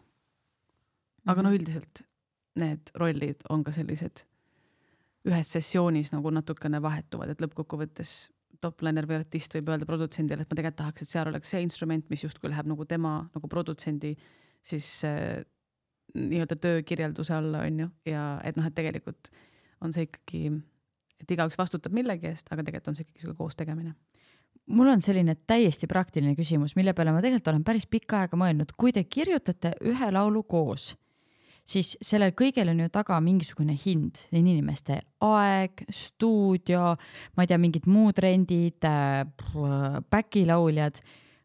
kuidas seda, kuidas nende ja siis pärast te panete selle mingi artisti nime all välja, tema, tema saab justkui nagu tasu selle eest. kuidas see tasude arvestamine üldse käib? no üldiselt, kui koos kirjutatakse, siis lihtsalt äh, autori äh, õigused äh, lähevad siis võrdsele jaotusele. aega, eks nagu noh, neid diile on nagu väga erinevaid ja oleneb, kelle jaoks, kuidas ja kus on ju. väga palju kirjutatakse ka lihtsalt uskudes kellessegi või millessegi, uskudes, et sellel ühel päeval on edu. et, et noh, see on, see on täpselt nii üks miljonist maailm, see muusikamaailm et äh, võib-olla üks päev sa ärkad üles ja üks lugu, mille sa kunagi kümme aastat tagasi kellelegi kirjutasid, näed sa nüüd, ma ei tea, jõudis, ma ei tea, kas mõnda filmi või, või korraga mingisse playlist'i, kus tal nüüd on kümne tuhande kuulamise asemel näiteks, ma ei tea, kümme miljonit või noh, seal, et seal on nagu, seal on väga palju asju, mida sa ei saa mitte kunagi ette näha, et sa lihtsalt järjepidevalt töötad millegi kallal ja millegi suunas, aga seda, mis hetkel kuskil nagu mingi väga soodne sinu jaoks soodne äh, nagu käik toimub, et seda ei, ei tea kunagi ette, et üldiselt jah, tehakse autorluste jaotused. Kindlasti oleneb, mis, mis taseme kirjutaja või produtsent sa oled, on ju seal, noh, ma ei kujuta ette, et, et äh, kindlasti kuskil, kuskil liiguvad nagu hästi suured tasud et ma, et näiteks selle eest, et ma üldse olen nõus kolmeks tunniks sinuga stuudiosse tulema ja seda sessiooni tegema, aga ma olengi lihtsalt oma töös nii hea. ja ma olengi nii edukas ja ma saangi täpselt seda raha küsida, et noh, ma, ma ei kujuta ette, mis summad, mis summad seal liiguvad või mis diilid või mis kokkulepped, aga, aga, aga üldiselt ähm, jah. aga ma saan aru, et Eestis ikkagi noh, see muusika loom-, loomine, see on bändid ja artistid teevad seda ikkagi ju selleks, ma ei tea, antakse albumid välja, et, et sa saaksid müüa oma kontserti, sest et tegelikult sealt, ma ei tea, kui sa Spotify'st või Youtube'ist või kuhu iganes sa oma äh, muusika üles paned või ma ei tea, albumite müügistki praegu. no see ju rahaliselt tegelikult ei tasu ära. Ongi tänaseks päevaks selline ütlus vist, äh, kui ma nüüd õiget, õiget pidi seda meenutan, aga et, et kui vanasti tehti, äh, tehti äh, plaate, et teha et oota, kuida-, kumba ma mõtlen, praegu mõtlen, kumba pidi on loogilisem. et, et kui mingi aeg tehti plaate, et teha kontserte, siis nüüd tehakse kontserte, et müüa plaate, et see, et need noh, kogu selle mingi striimingu tulekuga ja nii edasi, et tegelikult on ikkagi sellise nagu mängitavuse, et mängitakse justkui mahtu on hästi palju, aga, aga see, mis sealt nagu tagasi tuleb, on lihtsalt nagu ole, olematu põhimõtteliselt mm. -hmm. ehk siis põhimõtteliselt, kui sa tahad nagu artistina teenida, siis sa ikkagi pead äh, keikasid tegema mm -hmm. või kon kontserti korraldama, siis teil on tulemas, mul on piletid olemas oh,. Nice. ja see on, ma, mul on nagu mingisugune väike põhimõte juba viimastel aastatel olnud, et, et kui sa kellelegi kaasa elad, siis ära mine küsi listi, mine lihtsalt osta see pilet ära, sellepärast et see aitab seda inimest ju, et sa võtad temalt ära mingisuguse tasu, mis te, mida temal tegelikult on hädasti vaja. ma ei tea, selleks, et maksta mingi tuli kinni või, või mingi, ma ei tea, kidrakeel kuskil kellelgi, et siis noh, nagu sa ütled ka, et tegelikult ettevõtluses, see on ka ju muusikaettevõtlus, et seal on neid liikuvaid osasid on nii palju mm. -hmm. ja siit ma tulengi seal nende kontsertide juurde, et kas te siis neid korraldate ka kõik ise või? ahah, no sinul on manager Liisi Voolaid, onju et Liisi vist aitab, aitab, aitab päris palju nende asjadega. ja aga... mul on tõesti väga vedanud, et äh, me üldiselt, üldiselt toimetame Liisi äh,, Liisi on siis nii-öelda selle äh, kogu manageerimise poole peal ja siis äh, on meil pardal ka väga-väga äge äh, tegija nimega Karl Sirelpuu, kes uh, uh, Karl. kes on, kes on ka oma, oma nõu ja jõuga alati olemas, et selles mõttes on turvaline on teha aga seal on ka ikkagi ju see, et sa teed nagu, sa ehitad selle kontseptsiooni üles, onju, sa oled niimoodi, loodame, et inimesed kontserdile tulevad, sest et kõik ju sealt asjaosalised tahavad saada ka tasu mm. -hmm. et kas seal on nagu nii, et sa maksad nagu, ma ei tea, fikstasu oma, oma bändile onju ja siis lõpuks vaatad, et mis mulle üldse kätte jääb? ei no eks kogu see kogu see muusika, ei, tegelikult ma ütleks, et kogu, kõik, mis sa teed, on üks suur lootmine kogu aeg, selles mõttes, et ju annad endast parima ja teed kõik endast oleneva ja maandad kõikvõimalikud riskid ja päeva lõpuks loodad nagu parimat tegelikult. ja kui siis seekord ei läinud hästi, siis võtad oma õppetunnid ja lähed järgmisele korrale vastu, et selles mõttes see, see on nagu niisugune paratamatus mis sa eelmiste kordade kontserditest äh, siis äh, õppinud oled, mida sel korral näiteks teete veidike teisiti? Ma ei tea, on päris hästi läinud, ei, ole vist ühtegi sellist, ma ei taha öelda kuidagi, tähendab, see ei pidanud kõlama kuidagi üleolevalt, aga, aga mul vist ei ole olnud ühtegi sellist, et issand, et nüüd läks ikka täitsa nihu sellega. see ei ole üldse üleolev. nagu, see on lihtsalt aus. Ma olen väga tänulik, et kõik inimesed on kontserditel käinud, sellepärast et me ei ole pidanud tundma seda, et midagi läks väga nihu aga kuidas praegu piletite müügiga on, kas äh, läheb vuhinal või? Äh, ja ta, äh, Tallinna kontserdil on nüüd teine, teised sooduspiletid on nüüd läbi müüdud, nii et ähm, hakkab päris hea tempoga on saalid täitunud, nii et selles mm -hmm. mõttes on tore ähm,. ma, sa korraks enne mainisid ähm, oma endist bändi äh, Wilhelmi mm, -hmm. et äh, kuidas ma tean, et kuidas see üldse läheb, jõuab selleni, et äh, üks bänd läheb laiali, kas see on lihtsalt see, et äh, inimestel tekivad erinevad huvid, keegi läheb omavahel tülli või käib see kuidagi nagu sõbralikult ja ma saan aru, et, et noh, ma ei saagi siin siin nagu äh, üldsustada kõigi bändide peale, aga mis, mis sa ise oled täheldanud rohkem, et miks need sellised lahedad bändid laiali lähevad mm,? no meie puhul oli see ikkagi pigem see, et meie kuidagi elud läksid väga laiali.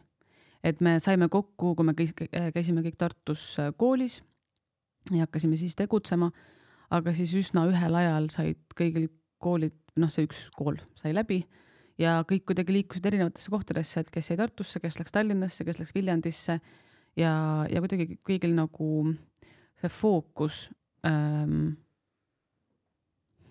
tahan nii hullult estonglish'i rääkida. pane, sa oled Be Fookus First nagu podcast'is ma ei tea, mis see shift ima äh,. Läks no, teise kohta. fookus läks teise kohta ja, ja ma arvan, et me olime kõik sellises vanuses ka, et, et äh, see oligi väga selline, ma arvan, et igale, igaühele meist oli see väga selline minapildis nagu kiire arenemise aeg, ehk siis noh, see oleks olnud üsna tobe hetk, kus jääda kinni nagu mingisse ühte kohta sellepärast, et sa seda alustasid, et siis seda ei saa lõpetada.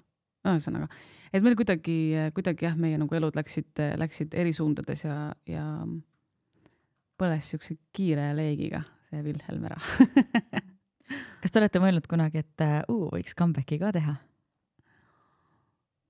mm,?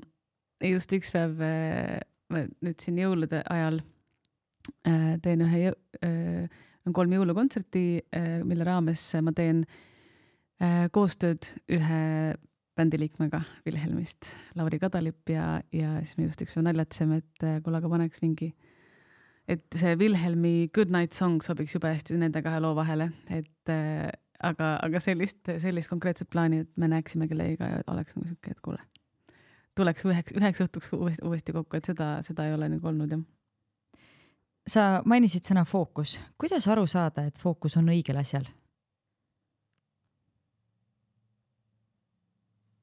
mm.? hea küsimus, võib-olla jälle see sisetunne. Ehm, ja ikkagi ma arvan, et, et kui sa fokusseerid ennast millelegi, öeldakse, et noh, et tegelikult meie jaoks ei ole nagu õiget või valet, et vali lihtsalt üks asi, millega sa tegeleda, siis tegele sellega, onju et mõne, mõnes mõttes, kui sa selle fookuse paika paned ja see ei ole päris sinu jaoks nagu mõeldud, näiteks see eesmärk, mille sa endale võtnud oled, siis okei okay,, võib-olla päris seda eesmärki ei saavuta, aga võib-olla saavutad selle nagu järgmise asja, mis on täpselt selle kõrval, on ju. et äh, ma ei tea, et mulle meeldib muusika, võib-olla kui ma, me räägime sinuga, kui ma olen, ma ei tea, viiskümmend kuus ja pole siiamaani nagu, et noh, tunnen, et oled nagu koha peale seisma jäänud ja ei ole nagu karjääris mingit suurt muutust nagu tahtnud ette võtta või, või ei ole ette võtnud või ei ole miski sind soosinud, et siis võib-olla tegelen millegi muuga, aga ma arvan, et see on ikkagi muusika või noh, vähemalt nagu selles vallas. et ähm, ma ei tea, fookus on paigas siis, kui sa oled otsustanud, et see on see, mida sa teha tahad, siis ongi sinu fookus. ma ei tea, tuleb lihtsalt, lihtsalt vist mingi otsus vastu võtta. See ja siis on, töötada. jah, ja tegelikult ju seda saab, noh, me ei ole ju kivisse raiutud, et äh, me saame iga Jah. hetk muuta seda, aga tihti jah, mulle tundub, et ma isegi olen seda tunnetanud, et nii palju põnevaid asju on, mida tahaks teha mm. -hmm. aga noh, kõike lihtsalt ei jõua ja siis on nagu nii raske on valida nende vahelt, see on lihtsalt nagu oh,, no see on sama nagu, kui ma küsiks su käest, et, äh, et mis on su, ma ei tea, lemmiklaul sellelt albumilt? Mis on su lemmiklaul sellelt viimaselt albumilt? mu fookus teeb niimoodi praegu minu lemmiklaul sellelt albumilt. see on väga keerulised küsimused. palun vabandust. Mina näiteks väga hästi tean, mis on minu lemmiklaul. mis su lemmiklaul on? okei okay,, tegelikult ma ütlen niimoodi, vanadest lauludest äh, on muidugi otse loomulikult Write about me, mis on Mhm. lihtsalt nagu minu jaoks geniaalne lugu äh,. nagu ma ei oska midagi öelda, aga Halfway on Tead, minu jaoks, on jah nii Vau. wow. huvitav. see on nii lihtne, aga nii ilus laul. ja ta on, me kusjuures, see oli üks esimesi lugusid, mida me nüüd äh, aasta aega tagasi äh, koos kirjutama hakkasime. no ma ei saa öelda päris esimene lugu, sest noh, Ride About Me on tegelikult kõige esimene lugu onju, aga noh, selle võib-olla uue muusika mõttega esimene lugu äh,. ja siis me kirjutasime need salmid ära, et did you really crown yourself to be the king? ja siis me mõlemad mõtlesime, et aa, väga lahe, et see läheb kuskile väga lahedasse kohta, aga siis me kuidagi tol, tollel sessioonil seda nagu refrääni ei suutnud ära kirjutada. Ja siis me ei suutnud seda refrääni mingi kaheksa kuud ära kirjutada ja siis me mõtlesime, et okei okay,, aga võib-olla siis, kui me ei suuda aru saada, mis selle loo refrään on, siis võib-olla, et tal ei peagi olema refrääni ja mulle väga-väga meeldib see, et äh, see on tõesti üks huvitava ülesehitusega lugu. ta on Mhm. selline, et tuli selline tunne peale lugu. mis Aga- aga... on positiivne minu meelest. kas on mõni selline lugu ka, mis on lõpuks saanud nagu imeliselt hästi välja, aga mis algus on nii, et aa, see nüüd küll sisse ei lähe? Ei, vist ei ole. sest et see algus peab olema ikkagi inspireeriv selleks, et see lugu üldse kuskile võiks jõuda. ehk siis, kui algus on ikka juba halb, siis ta ei lähe nagunii kuskile aga vahest on, vahest, miks ma seda küsin, on see, et ma mäletan, et äh, Vabarnad rääkisid mulle kunagi, et äh, Armasta mind oli ju selline laul, mis nad mõtlesid, et nad ei pane seda plaadi peale. see on nii ilus laul. no täpselt, et aga neil oli lihtsalt niimoodi mingi hetk, et äh, seda alguses laulis seda Tõnu ja siis nad ütlesid, et no Tõnu laulis seda lihtsalt nii kurva häälega, et nad mõtlesid, et keegi ei hakka seda kuulama, sest et kõik nutavad, kui nad seda kuulavad. et aga vaata, kui naljakad, kuidas asjad lähevad, eks ole, et sa mõtled nagu ei, ei lähe ja siis mingi hetk keegi tuleb, ütleb sulle, et ei, muuda seda, seda, seda ära ja läheb ja. küll. ei no mõnikord, mõnikord ongi nii ja, aga ma, ma vist seda, et, et ma kohe alguses, ma arvan, et ikka päris halb ei saa miski olla alguses, et, et sellega töötada. Mm -hmm. et siis lihtsalt üldse nagu noh, seda, seda ju nagu, kuidas ma ütlen, et mitte, mitte, et, et me ei tee keegi kunagi halbu asju, kindlasti teeme aeg on selle kiire asjaga, aga, aga, aga lihtsalt võib-olla, et kui stuudios mingit lugu alustada või mille, mingi loo kirjutamist alustada, siis sa ikkagi tunned selle hetke ära, kus sa jõuad mingisse kohta, oot-oot-oot-oot, mis see praegu oli, mis sa mängisid või mis see praegu oli, mis sa laulsid, et seal ikkagi midagi on kohe algusest peale või noh mm. -hmm. peab olema, et midagi nagu, ma ei tea, käivitada või käib nagu mingi switch ära.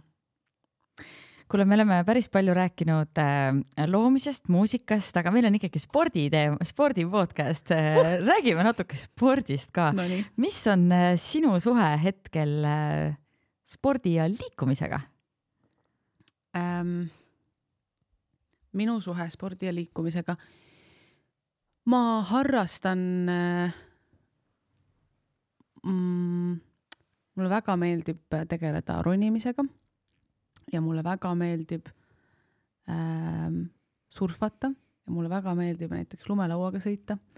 Need on kõik sellised tegevused, et nad nagu ei ole päris, no ronimine tegelikult võib, võib vaba, nagu vabalt olla, ei no see on ikka väga sport. aga nad ei ole nagu noh, noh Eestis näiteks nagu lumelauaga sõitmine, surfamine väga tore, kui sulle meeldib neid asju teha, aga kui palju sa neid aastas tegelikult teha saad, noh mitte eriti onju. Et äh, võib-olla selline jah, nagu regulaarne asi, millega ma tegelen, ongi ronimine ja kuna ma elan äh, linnast väljas, siis ma ikkagi väga palju püüan ka aega lihtsalt õues äh, looduses veeta, et ma ikkagi selliseid pikemaid jalutuskäike teen ähm, ma valetaksin, kui ma ütleksin iga päev, ma päris iga päev ei tee pikki jalutuskäike. aga nii palju, kui ma jõuan, ma ikka püüan võimalikult palju aega väljas veeta. aga kus sa ronimas käid? Mina käin ronimisministeeriumis. aa, nii ja et sa sõidad õues, õues, kivi peal, oi kui põnev. mis asja, räägi täpsemalt. ja on no põhimõtteliselt põhimõtteliselt valid endale kivi välja ja siis äh, lähed ja hakkad otsast ronima, siis sul on siuke väike kaasaskantav matika kaasas, et kui sa alla kukud, et siis sa kukud ikkagi nagu pehmelt. Anett, mida? see on väga tore kui suured Aga- need kivid on, mille peal sa ronid? no siuksed, ma ei tea, kas ma oskan meetrites öelda, ma ei oska, mul, mul ei ole väga hea silm selle peale. oota, nagu need no siuksed nagu rändrahnud või sellised nagu. kuidas sa seal otsa ronid?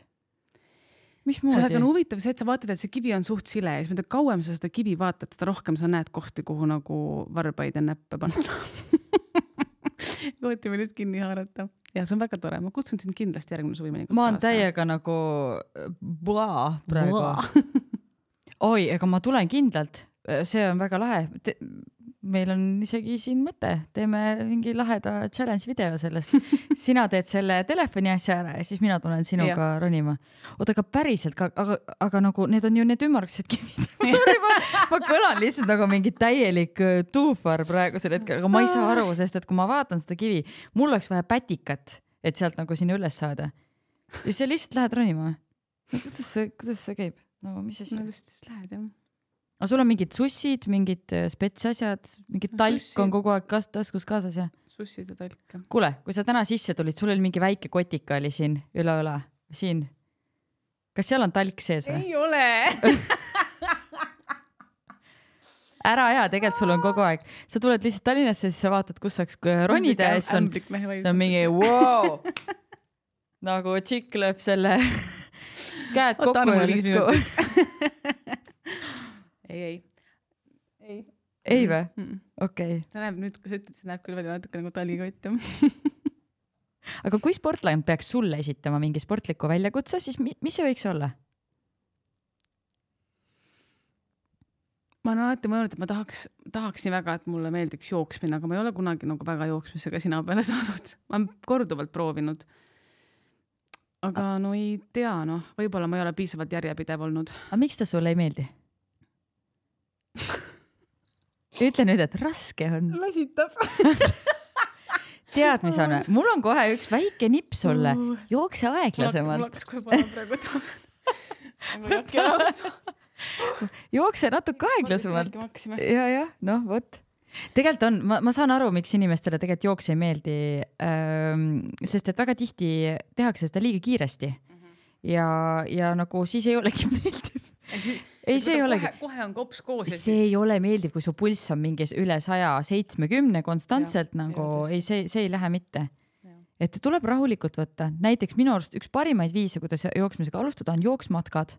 sa näiteks äh, viis minutit sörgid ja viis minutit jalutad, viis, viis, viis, viis seda ma olen kunagi proovinud. ja ega ikka ei jää. ja ikka ei jäänud külge. okei Ei tea,, aga jah. mis see siis võiks olla? jooksmine on out.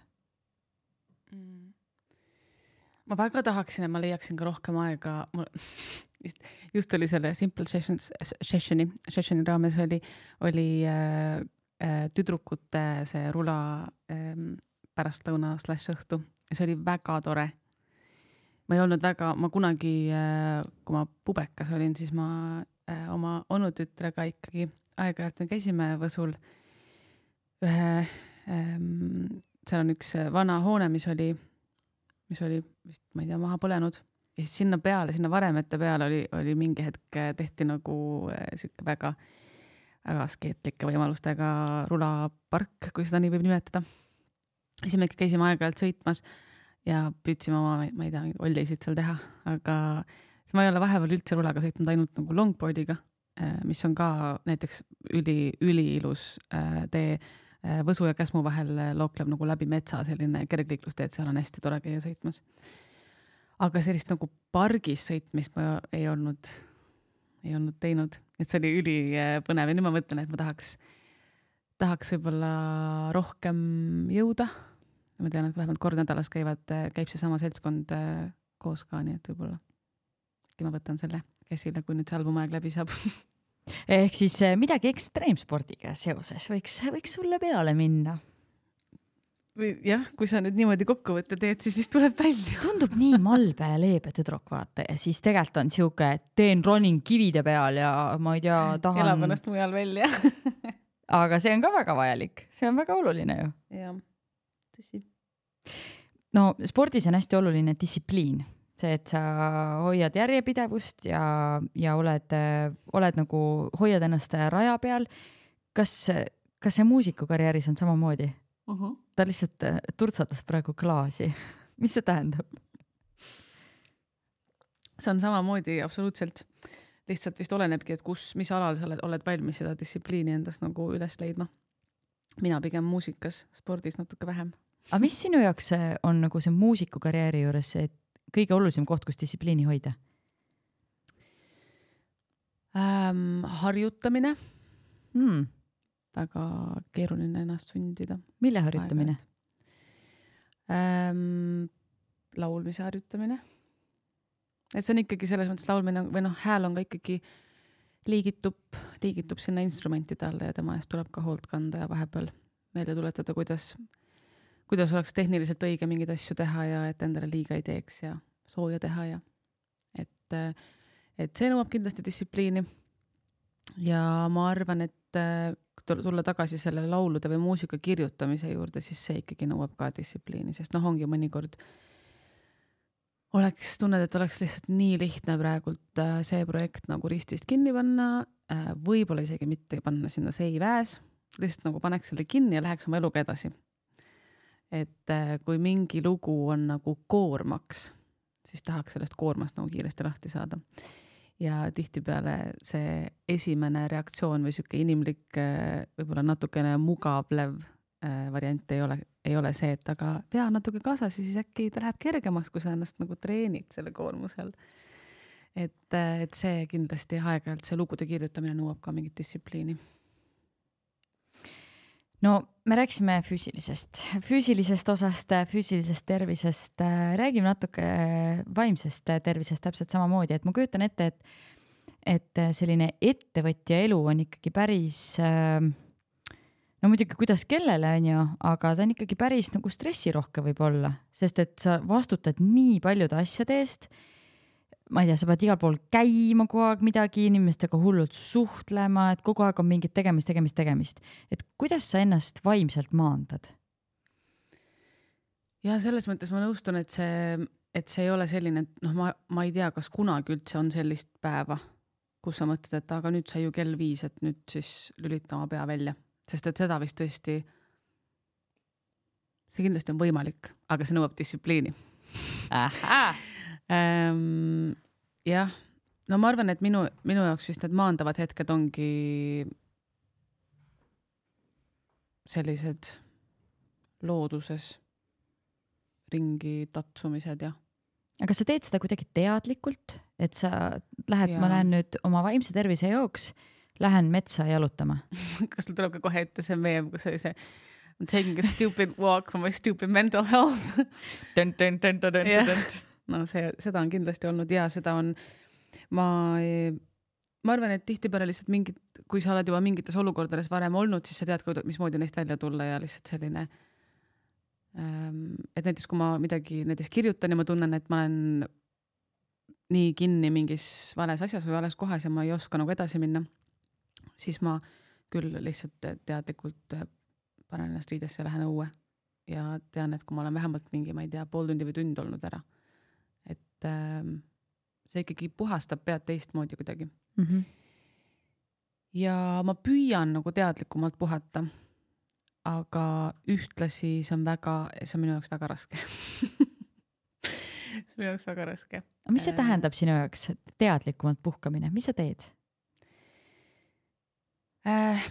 tead, ma olen, ma olen tajunud, et ma väga tihti, kui ma nagu puhkan, isegi kui ma lähen puhkusreisile või kui ma planeerin puhkusreisi ma tunnen nagu süümekaid, et ma seda teen. et mul on, see, see, see on huvitav, ma ei ole sellele nagu väga jälile jõudnud, aga see ei ole kindlasti päris see, et ma tunneksin, et, et ma ei vääri seda puhkust.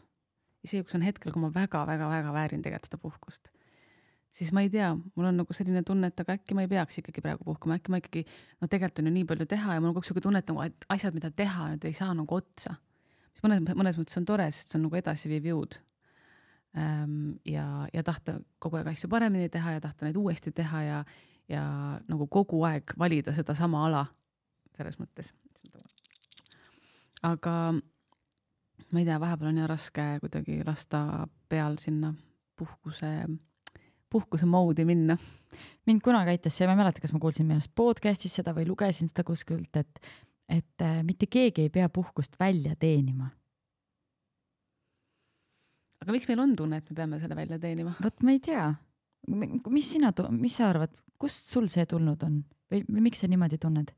ma ei tea, võib-olla me oleme kasvanud kuidagi selles mentaliteedis, et, et tööd tehakse nagu mingisuguse reward'i pärast või mingi nagu auhinna pärast. et mis seal nagu tunneli lõpus siis ootab, et see töö ise ei tohiks nagu kunagi olla, pakkuda seda tunnet nii-öelda.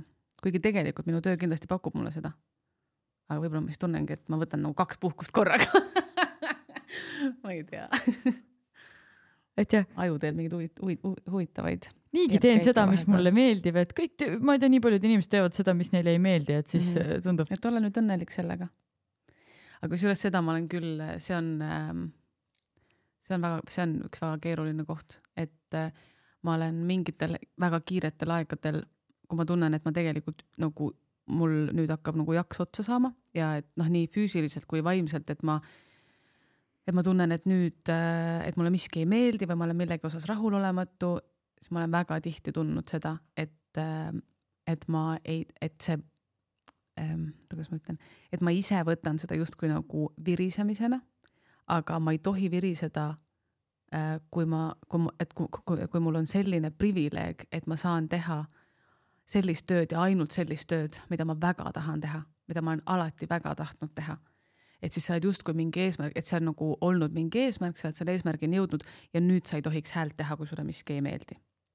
Ja see on väga ähm,, jah, sellega ma olen, olen küll püüdnud äh, tegeleda, et see, et sa teed midagi, mis sulle väga meeldib, ei tähenda seda, et sulle mõnikord võib see ka mitte meeldida.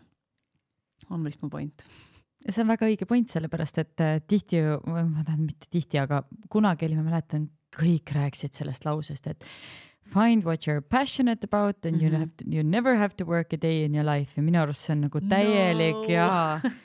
et kui sa leiad midagi, mille üle sa nii kirglik oled, siis see läbipõlemise oht seal on palju ja. kõrgem. sest et sa lihtsalt unustad võtta, ma ei tea, pause, puhkusi, seda kõik on nii huvitav ja nii põnev ju. Ja sa ei taha ei öelda, sest et nagu jumal hoia, et nagu mulle ju meeldib see nii väga, et nagu mõtle, kui üks päev keegi enam ei paku, et kui ma praegu ei ütlen, siis noh me ei tea, mis saama hakkab, onju. jah, aga need vitsad tuleb ise kätte saada vist. kas sul on mõni lemmik ei? mõni lemmik ei või? mis ma olen öelnud?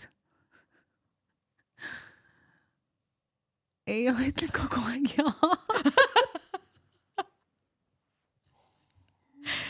väga huvitav, kohe nagu huvitav teada saada, et mis sul seal siis nagu mm., mis sul potis praegu siis äh, podiseb seal ei hakka seda kaant praegu maha võtma ärme igaks juhuks sinna sisse vaata. ei noh, tegelikult ma võtan aeg otsa sa ähm,. ei, mul vist, ma ei tea, mul ei tule praegu ühtegi. aga oled sa, selles mõttes oled sa rõõmus oma kõigi oma jahhidega? jaa, täiega. Täiega, noh. No siis tuleb ikka ära teha see mingi Sportlandi challenge siin, vaatame, mis sellega saab, Anett ütleb kõigele jah. Kuule, aga ma vaatan, et jeebus, jeebus, see kell meil lihtsalt nagu niimoodi kihutab edasi, tead äh,. ma küsin mõned küsimused sinu käest veel ja siis lähme fänniküsimuste juurde, sest neid tõesti oli väga palju.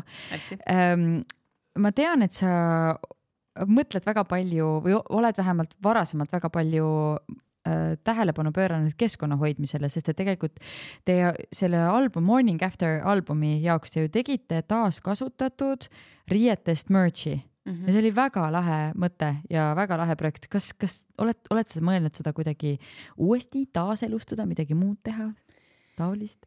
ja ma ikka, me vist mõlemad Liisiga, see oli, see oli tegelikult Liisi idee, et tal on alati olnud niisugune väike salasoov ja noh, mulle see mõte kohe nagu hullult meeldis. sest et ma ei olnud ka sinnamaani kordagi teinud üldse merch'i, et mulle tundus, et nagu mis me neist särkidest ikka teeme ja kuigi noh, tegelikult mulle endale hullult meeldib kanda bändisärke ja nüüd ma olen hil-, noh, hiljem neid ka teinud, on ju, aga tolle, tolles hetkes kuidagi oli see, oli see mõte hästi kandev ja, ja lihtsalt see oli nii meant to be, sest et need noh, see, et ühesõnaga selle, selle plaadi peal oli kaheksa lugu. ja meieni jõudsid Rakvere kaltsukast need tumesinised jakid, neid oli täpselt kaheksa tükki. Nad olid identsed. Nad olid lihtsalt nagu oh my god ja siis äh, tekkis mõte, et need, et nendele siis peale tikkida ja siis iga, iga jakk sai äh,, sai ühe laulu nime endale peale. ma siiamaani ise hullult fännan seda projekti see oli lahe. Nii, aga millal siis järgmine tuleb?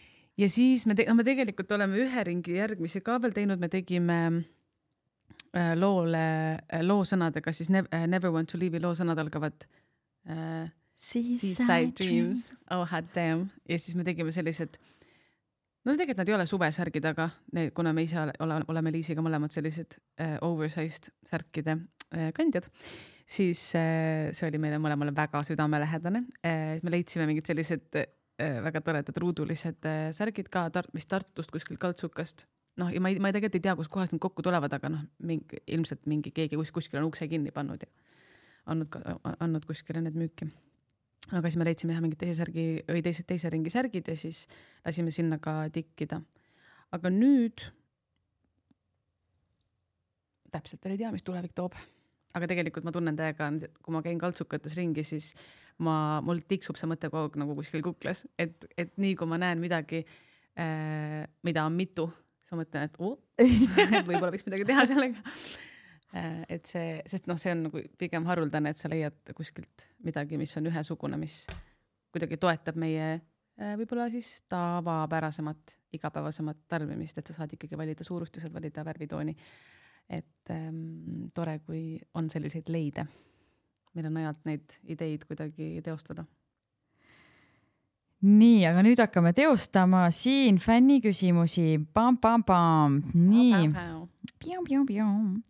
Äh, Kristiin tahab teada, mis laulu meeldis kõige enam laulda äh,, kõige enam Laula mu laulu saates laulda. Vau, kui palju laulu uh.. Oh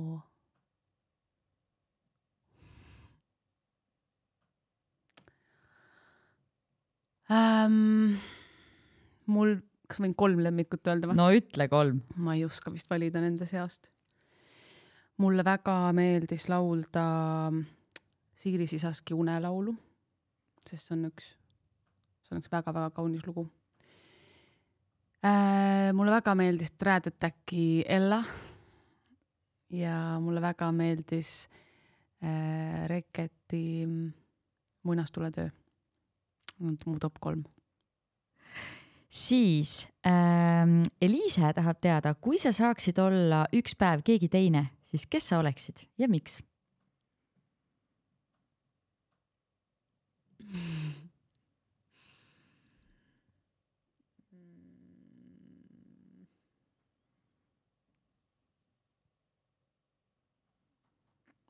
võib-olla oleks tore piloot olla üheks päevaks hmm.. sest mulle väga meeldib lennata.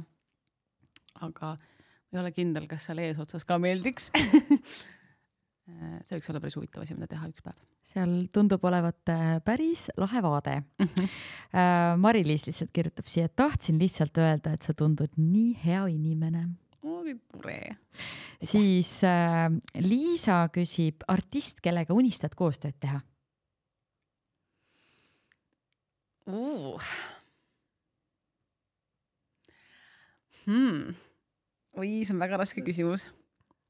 I've got more ähm,.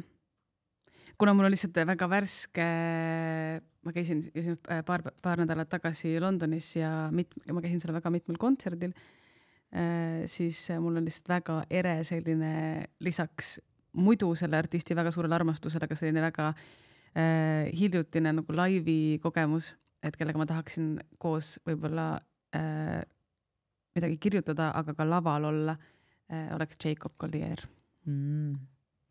sa, sul on üks äh, mash-up oled ka temaga teinud? ja ma kunagi tegin, ma tegin sellepärast endale reaalselt Tiktoki, et seda videot saaks teha. ja ma tegin selle ära ja siis ma olin lihtsalt nii vanaema, et ma laadisin selle alla siis ma mõtlesin, et aga ma lähen panen selle Instagrami ühesõnaga jah, on, küll. selle peale öeldakse või? lall LOL üks granny teisele. nii, oot-oot-oot uh,, mis meil siin veel? Äh, Hanna-Liis ütleb, nii lahe, et Anett tuleb ohohoo, siit on ikka päris keeruline valida, ma võtan paar tükki veel. Uh, mis as-, Merit siis küsib, mis aspektid elus on aidanud sul kujundada, kujuneda selliseks artistiks, nagu sa oled täna?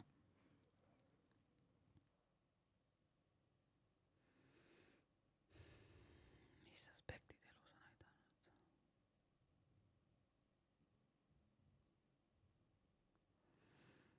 ma ei tea, ma arvan, et vist nagu mingi hmm huvitavalt sõnastatud küsimus. huvitav, mis ta mõtles nende aspektide all? Vot, see on väga huvitav. Merit, võib-olla sa kirjutad ise Anetile ja täpsustad oma küsimust, et siis saad oma vastuse, vastuse ka anna siis meile pärast teada, mis see oleks. ma ei kujuta ette, mis ta siin mõtles. no ma arvan, et äh, kui ma nüüd õigesti aru sain, siis ma ütleks nii, et äh, väga oluline on kuulata oma sisetunnet ja siis väga oluline on olla sihikindel ja töökas ja ma arvan, et ükskõik, mis sa teed või kellega sa teed, siis alati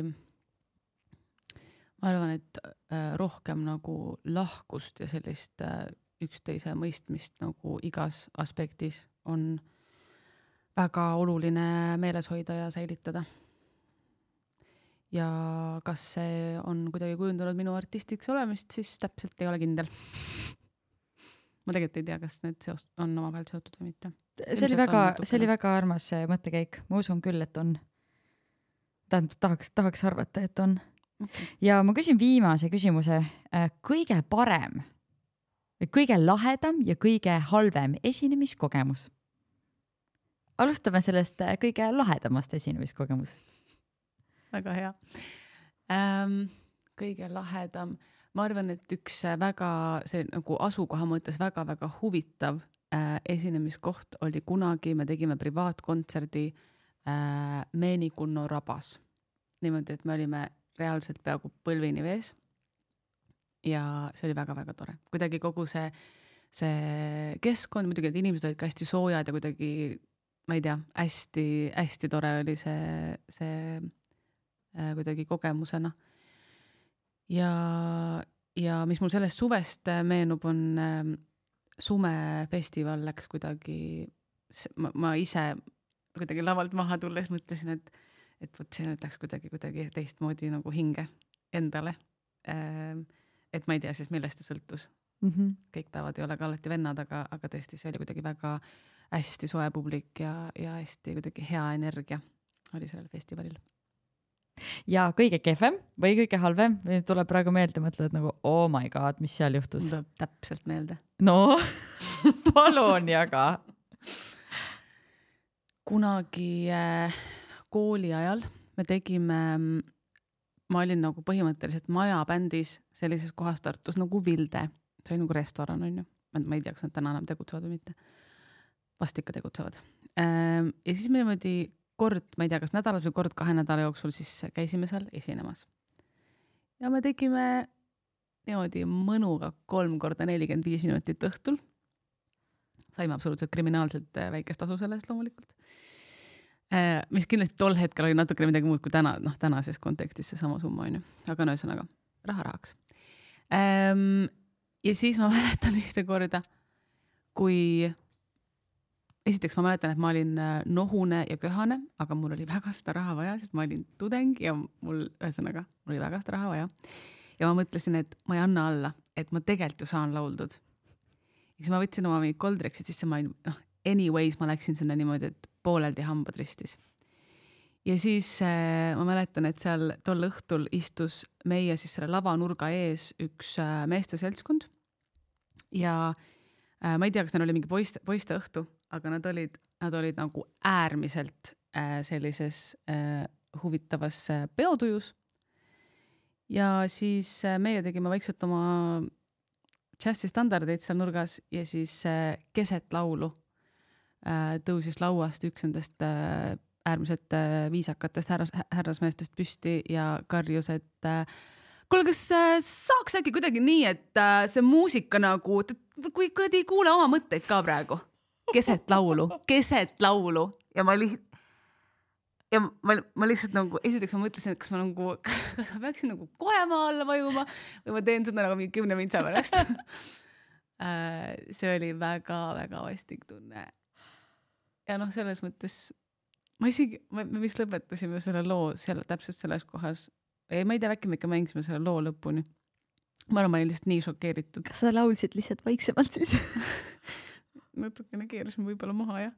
ei no selles mõttes kokkuvõttes nagu palun siis mine istu kuskile ta tagumisse lauda, et äh, noh, on tegelikult see, mis ma oleks endale võinud öelda aga selline kuueteistaastane net võib-olla lihtsalt tardus selles momendis, ma mõtlesin, et see ei ole võimalik, et keegi on nii kombetu ja ebaviisakas, et isegi kui ma laulan su kõrva sisse, isegi kui sa ei saa rääkida, siis nagu palun alustame sellest, et sina tulid ja istusid siia lava ette lauda, et siis ei saa võib-olla nagu kedagi teist süüdistada.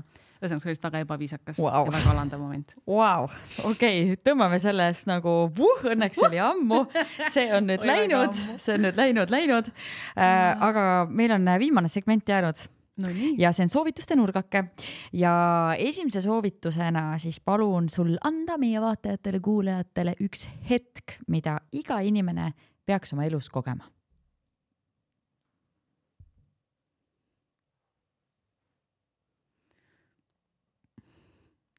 Tahaks öelda, tahaks öelda armumine üks moment, kus saab momendis, saab seda kutsuda momendiks? absoluutselt, ma Okei. mõtlesin täpselt sama. Siis äh, üks oskus, mille iga inimene võiks oma elus ära õppida.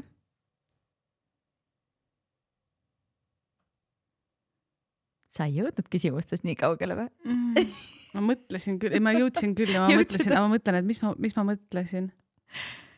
üks oskus. ma ei mäleta, mis ma mõtlesin. Kirja panema endale. mis sul praegu kohe meelde tuleb? no, praegu tahaks öelda laulmine, noh, väga Ma hea arvan, oskus ju. sest seda on väga tore koos teha, seda Jah. on väga tore üksi teha. õppige hümni sõnad pähe. väga hea üleskutse. jah. Jah. olgu ja üks spordiala, mida iga inimene võiks oma elus proovida. no ma ütleks äh, lainesurf Hmm. sest et see on äh, noh, ma selles mõttes ei räägi nagu sportlikus mõttes nagu mingi super suurtest kogemustest, sest ma ei ole nagu oma elus võib-olla liialt sportlik olnud. kuigi ma olen väga palju erinevaid spordialasid proovinud äh,, aga siis see on üks selline tegevus, kus ma olen tundnud esimest korda, et mu aju lülitub täielikult välja, sest kuidagi äh, meri või ookean, vesi ja lained on mõnes mõttes tekitavad sellist nagu ähm, nagu kartust ja sa ei saa mitte kuskil mujal oma mõtetega olla kui selles hetkes ja ma arvan, et sellist hetkes ja momendis olemist me võiksime iga kell püüda rohkem praktiseerida.